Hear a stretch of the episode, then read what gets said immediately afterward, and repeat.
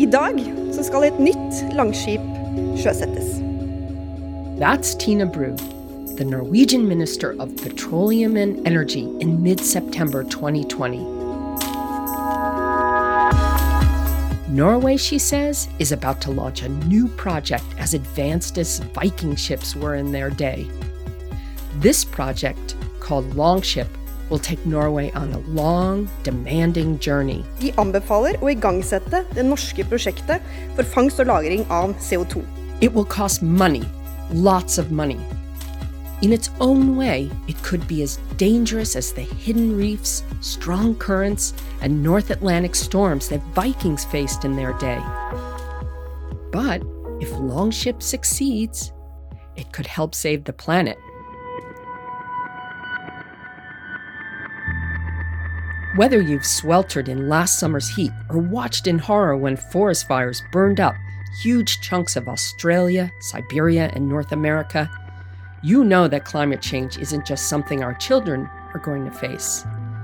It's here, now, and it's a huge problem. So, that longship that Tina Bru is promoting?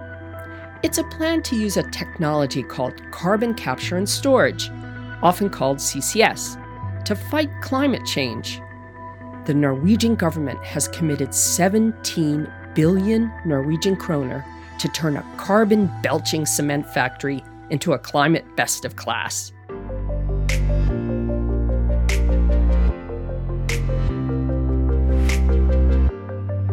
I'm Nancy Bazilchuk, and you're listening to 63 Degrees North, an original podcast from NTNU, the Norwegian University of Science and Technology. Today, I'm going to tell you the story of what Norway has done to turn carbon capture and storage into a viable technology that can help slow global warming. It wasn't always smooth sailing, if you'll pardon the pun. It's been a pretty big financial commitment on the part of what is basically a small, albeit well off, country. There was even an early effort to launch a CCS project that Norway's politicians described as the equivalent of the US moon landing. But it didn't work. In the end, however, Norwegian researchers have delivered plenty of solid science that can help society shift away from fossil fuels and help lay the groundwork for a cooler planet. And it starts right here.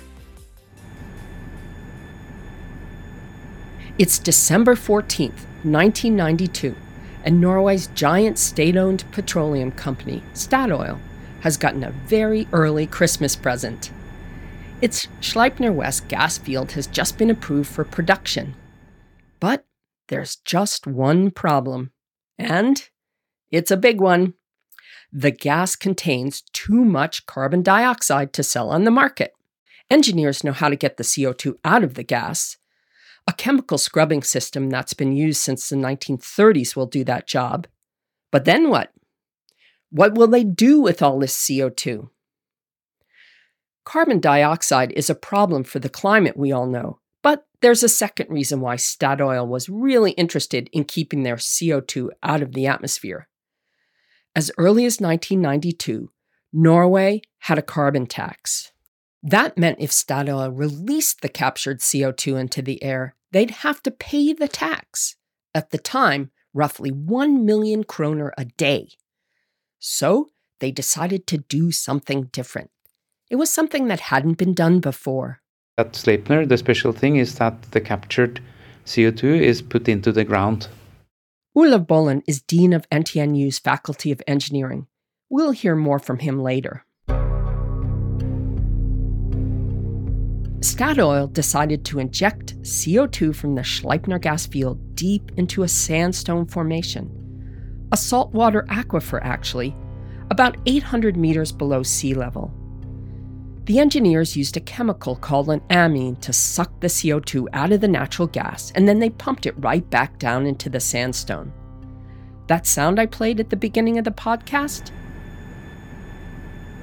That's the sound of the CO2 being injected into the sandstone far below. To inject the CO2 into the sandstone, the engineers have to compress it to a pressure that would be like squeezing 365 soccer balls into one. That's a lot of pressure. This is kind of an oil well in reverse. The sandstone's full of small holes and pores, which allows the CO2 to move around in the rock. The sandstone has a shale cap that traps the CO2 inside the rock formation. And at this depth, the CO2 is colorless, a liquid that looks like water but behaves more like olive oil. It's light enough so that it floats atop the seawater in the sandstone. This was a big, pioneering decision.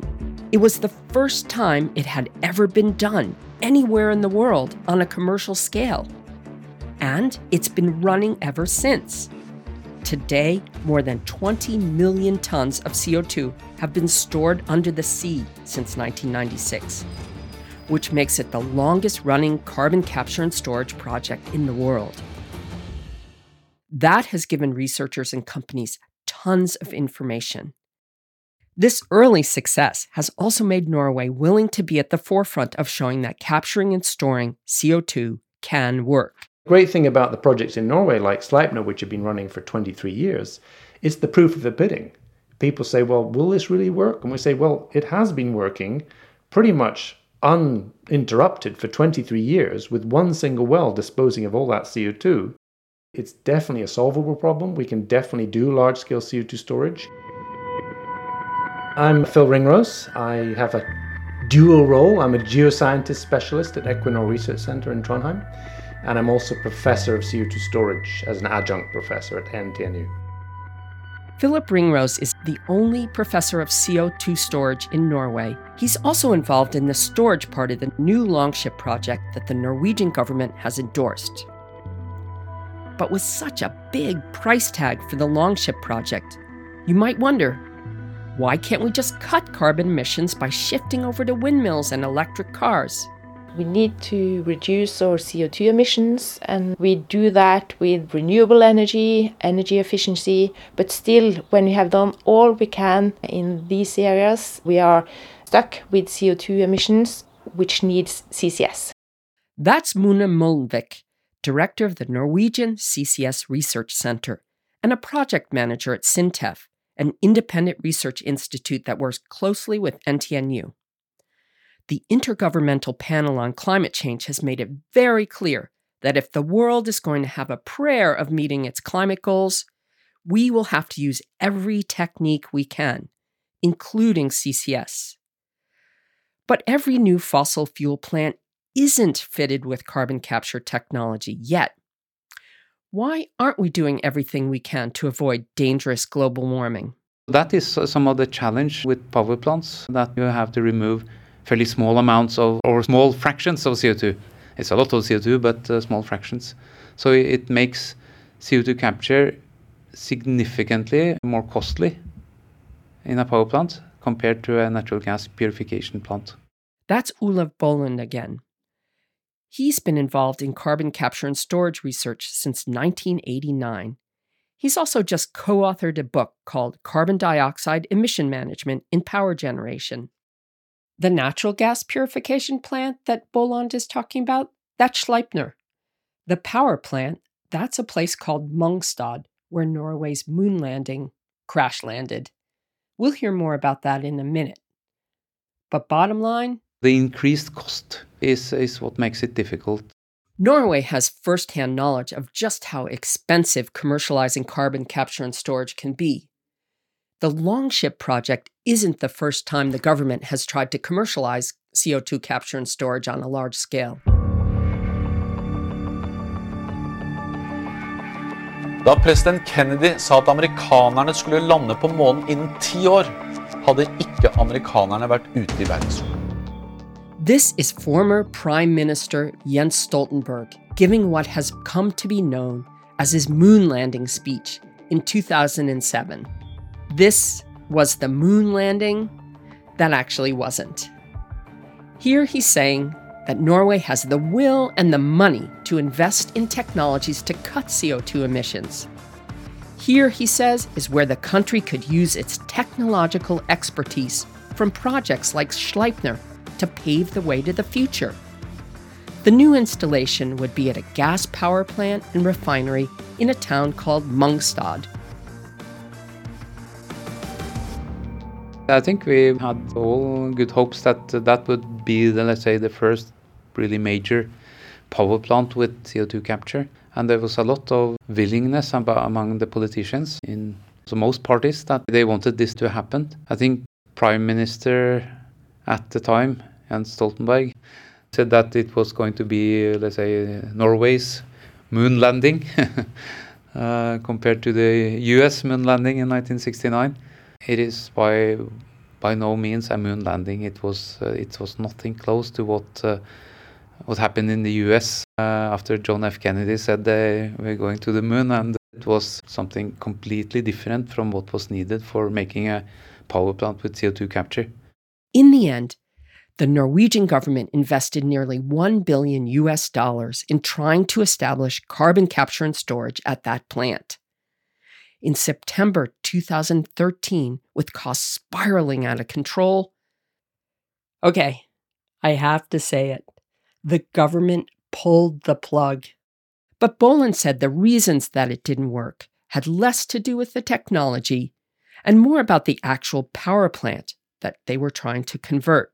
This was an existing power plant that is very tightly integrated with the refinery at Mongstad that is a refinery that is running and uh, so going in there and trying to do a CO2 capture plant, uh, there was so much restrictions and requirements because of the refinery operation. It made many of the, let's say, technical solutions complicated and much more expensive than it could have been. So I, I think it was a, a, when I look back at it now, Mongstad was a difficult case to make uh, such a first plant. But wisely, it ended up not being accepted by the Norwegian Storting because it would have been, uh, I think, wrong to, to spend all that money for one CO2 capture plant.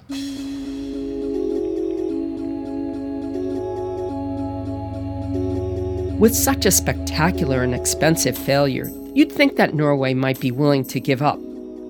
But Norway takes climate change seriously and Norwegian Prime Minister Erna Solberg says that the Longship project is the right thing to do. She wants to be able to keep Norway's promise to cut its CO2 emissions by at least 50% by 2030. But there's an economic motive here too. She also sees a potential new market for Norway's offshore engineering expertise and for its storage capacity. So, Here's what the Longship project involves. Current plan, which looking really good, is find the most cost effective ways to capture CO2 and the lowest hanging fruit. And it turned out that was a cement plant and a waste recycling plant. And then use those to kickstart the process, bring that captured CO2 to the port near Oslo, and then ship it round to the most suitable storage site, which is west of Bergen. The Norwegian government has said it will provide nearly 17 billion kroner, that's 1.8 billion US dollars, to support CO2 capture and storage at the cement plant. Cement is the glue in concrete, which is one of the essential building components in nearly every kind of structure you can think of, from bridges to buildings. But you can't make cement without major CO2 emissions. As much as 8% of all the world's CO2 emissions come from cement production. A second part of the plan calls for supporting CO2 capture at a waste recycling plant in Oslo, but only if the project can find other financing too. But here's something that's worth noting. Remember, Norway is a petroleum producing country Something like 36% of the country's total income from exports comes from oil. Nevertheless, politicians decided not to make this huge investment in CCS in its oil and gas industry. Philip Ringrose again. One exciting thing about the current Norwegian project, it's not focused on decarbonizing oil and gas. It's focused on decarbonizing industry from land. And Norway, in a way, has taken a bold step and said, well, the really key challenge is decarbonizing industry, cement, steel, waste recycling. And if we can pioneer that in Norway, we can see that rolling out around the rest of the world. The first two steps of this process are to pull the CO2 out of the emissions and transport it to a collection area. Then you have to get it out to where you're going to store it. In this case, the plan calls for a single pipe to a single wellhead offshore to dispose of that CO2. Ah, wellhead. That's geology speak for the top of a well. So, some of you may be thinking, aha, Norway is going to reuse old oil wells to store CO2. Brilliant! The ultimate in recycling. But no. It turns out that CO2 is slightly acidic, so the wells have to be able to tolerate that. You could, to some extent, use old wells, but old wells do have the problem that they're old, they may be corroded, they've been around for 20 years perhaps, and they're not necessarily the best choice. So our vision is very much use the old knowledge from old wells, and they are what we use to characterize our geological formations, but primarily go for new wells, which will be the cheapest in class, cost effective new wells that will dispose of CO2. And there's one slight difference with CO2 injection wells. They need to be corrosion resistant because CO2 reacting with water is a very weak acid. So when you're operating a CO2 injection well, you need slightly better quality elements, the steels, the rubber membranes, than you might have in a conventional gas well. So you can't save money by reusing old oil wells, but you can help save the planet, even if it is expensive on the face of it. It is quite an expensive project in total investment to get it going, but it's also the cheapest of all those elements. We've picked the cheapest capture, the cheapest route to transport it, and the cheapest way to dispose of it underground. So it should be a good project to kickstart CCS. And once you get the first project, you can build on that and hopefully get economies of scale so that the whole process becomes quite cost effective, but also have the ability to scale up. And scaling up shouldn't be a problem, at least when it comes to storage. Experts like Ringrose have looked at how much storage capacity there is out there for CO2. We reviewed all of the global offshore basin data. Uh, Gulf of Mexico and North Sea were the main focuses, but we looked at the entire planet. And our question that we were trying to address was what actually is the storage capacity of our world globally? And we found out it's huge. We have plenty of room to store CO2. By now, you might be asking yourself is it actually a good idea to pump CO2 into undersea rock formations? Is it safe? Philip Ringrose. The law has certain requirements you must monitor. And the two things the law requires is that you must show that your monitoring goes according to plan. We call that conformance, okay? And then the other one is you must show that there is no risk of leakage. So the, the monitoring activities, which usually include geophysical imaging, listening to micro earthquakes, recording the pressure continuously in a, in a well, these monitoring methods are basically designed to, to assure all of the stakeholders, you say, in the project, which might be government officials, but very often members of the public, just assure them that this project is going according to plan. Uh, and certainly, I think one of the requirements for CO2 storage projects in the next decades is they're going to have to be quite open about this monitoring data. They're going to have to show people time and time again this site is going okay. Remember the Sleipner gas field, the first place in the world where CO2 was injected under the sea? That long history from Sleipner has really helped geologists understand what's going on over time as the CO2 is injected. We've been sharing the time lapse seismic data with research institutes globally for decades now, um, so that any researcher can see the data and see, yeah, yeah, looks good. There's the CO2. I can see it. Here we need a little translation. Time lapsed seismic data? It's a bit like, it's very analogous to imaging a baby in the womb. Uh, you're using a sonic sound wave uh, into the earth to, to look at the changes in response. So when, when you do seismic imaging of the earth, you send these sound waves down and you can record the reflective layers in the earth, and we use that for mapping. But the great thing about CO2 is when you inject CO2, it changes those reflection properties in the earth. So then when you shoot a second survey, a time lapse survey, you see the change in reflectivity as where the CO2 is. Obviously, it's a kind of remote method, so you can't see every molecule of CO2 everywhere, but you can see all of the thick layers of CO2 with seismic imaging.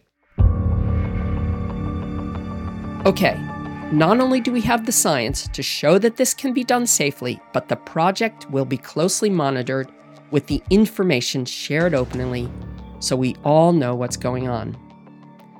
That's all good because here's another selling point that Erna Solberg has used to build support for the project. She points out that capturing CO2 from both the cement plant and the waste recycling plant will fill only 40% of the storage capacity for this one well, which Ringrose and his colleagues say has the capacity to store 100 million tons of CO2. She's hoping that the EU could become a customer. Cost is going to be an issue, but every technology is expensive when it's first rolled out full scale. And then there's the question of getting what you pay for. Philip Ringrose again many researchers have been working on all aspects of the capture, transport, and storage value chain for decades. So there's no doubt it's a mature technology. The real question is do societies want to deploy that technology? You're talking about paying a reasonable amount of money to get rid of your gases that you don't want to throw to atmosphere.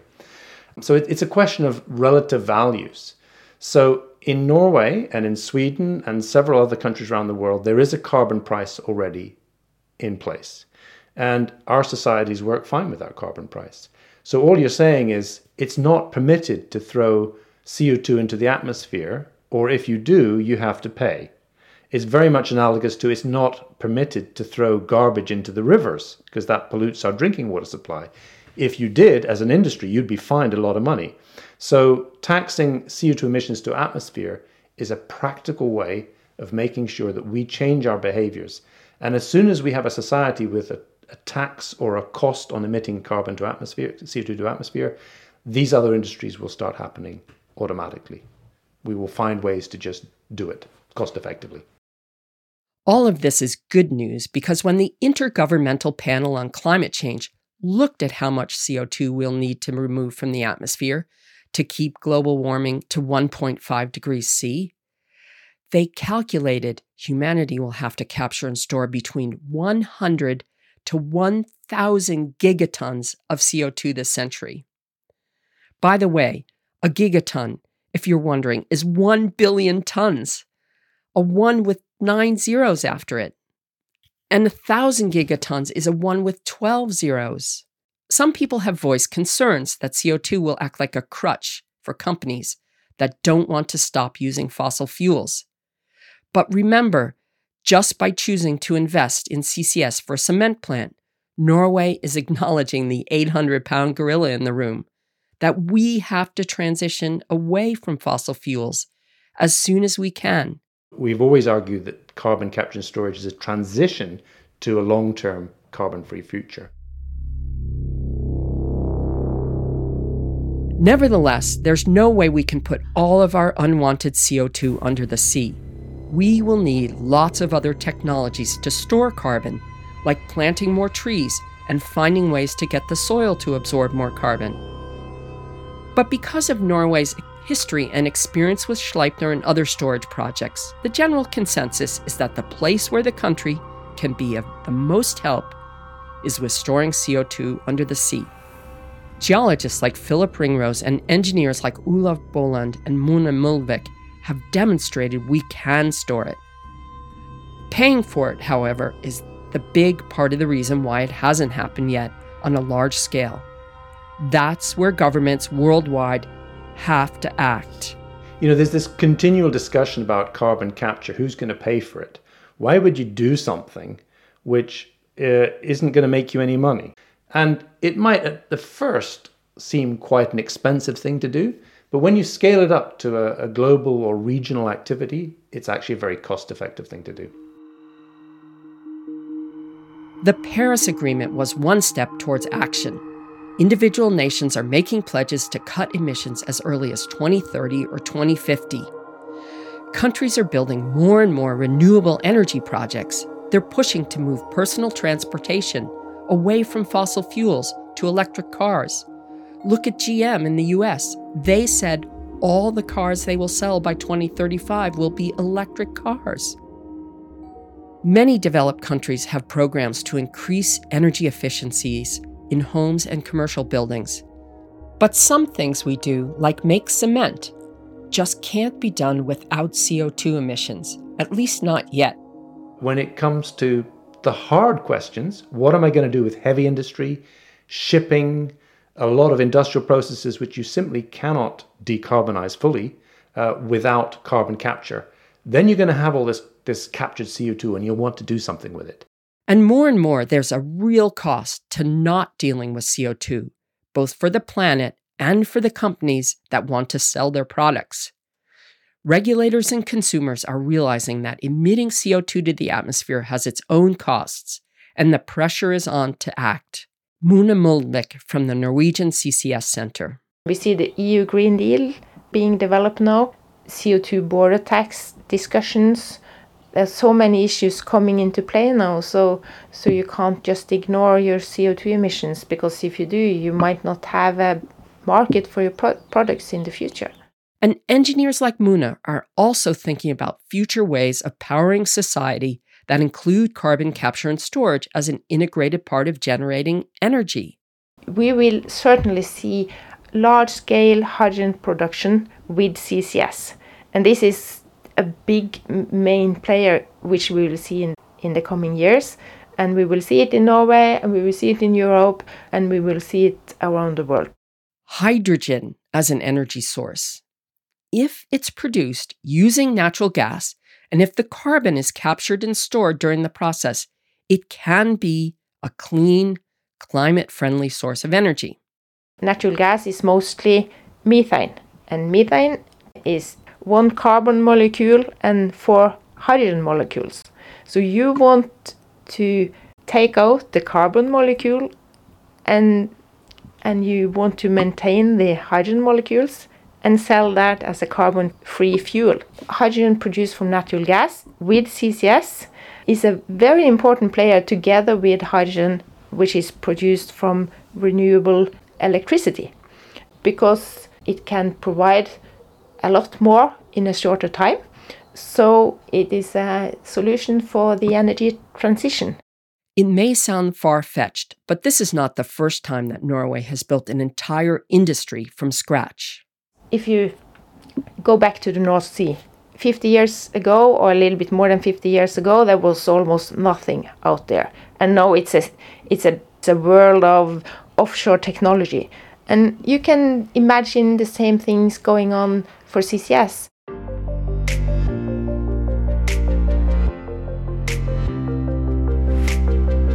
The message is clear the climate science is there, and the technological know how is ready too. It's just a matter of getting politicians to see that our climate is worth the investment it will take to make CCS a reality. And in Norway, they seem to have done that. I'm Nancy Bazilchuk, and you've been listening to 63 Degrees North, an original podcast from NTNU, the Norwegian University of Science and Technology. If you've enjoyed today's show, I hope you'll let your friends know and leave us a rating on your podcast app. Editorial help and sound design by Historia Bruke. Thanks for listening.